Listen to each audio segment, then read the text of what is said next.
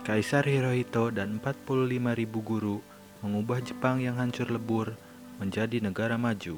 Pada tahun 1945 ketika sekutu menjatuhkan bom atom di Hiroshima dan Nagasaki, tak lama dari situ Jepang menyerah kepada sekutu. Kaisar Jepang saat itu, Hirohito, mengadakan rapat tertutup. Jenderal dan menterinya menghadap untuk melaporkan tentang banyaknya rakyat Jepang yang meninggal dan luka-luka karena terkena ledakan dan radiasi bom atom. Kemudian Kaisar Hirohito bertanya kepada para jenderal dan menterinya, "Ada berapa guru yang hidup?" Para jenderal dan menteri pun terkejut bukan kepala. Seorang jenderal bertanya, "Mengapa Paduka menanyakan jumlah guru yang hidup?" Mendengar tanya itu, Kaisar Hirohito terdiam dan belum bereaksi.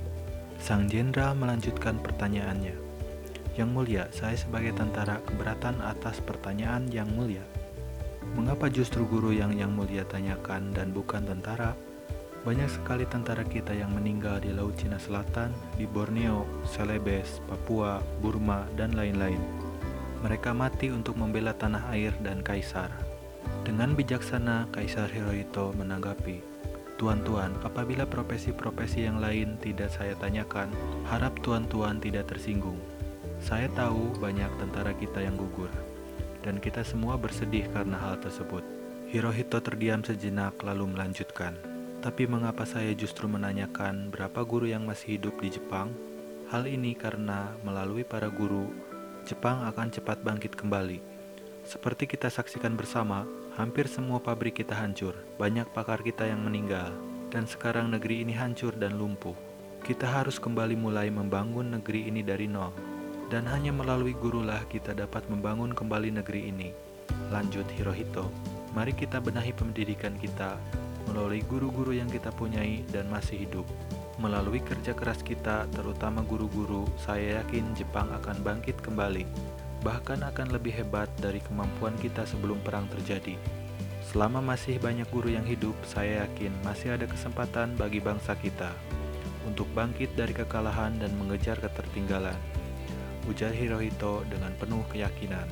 Hirohito kemudian memerintahkan menteri pendidikannya untuk menghitung jumlah guru yang tinggal dan masih hidup. Singkat cerita, jumlah guru yang tersisa di Jepang pada saat itu adalah sekitar 45.000 orang. Sejak saat itu, Kaisar Hirohito gerilya mendatangi para guru yang tersisa dan memberi perintah dan juga arahan. Rakyat Jepang sangat menjunjung tinggi titah kaisar dan dilaksanakan dengan penuh komitmen dan konsekuen. Ada lima perintah atau arahan Kaisar Hirohito yang harus dilaksanakan oleh para guru. Pertama, guru harus melaksanakan pendidikan yang bermutu, Kedua, guru harus lebih disiplin daripada murid. Ketiga, guru harus lebih pintar daripada murid.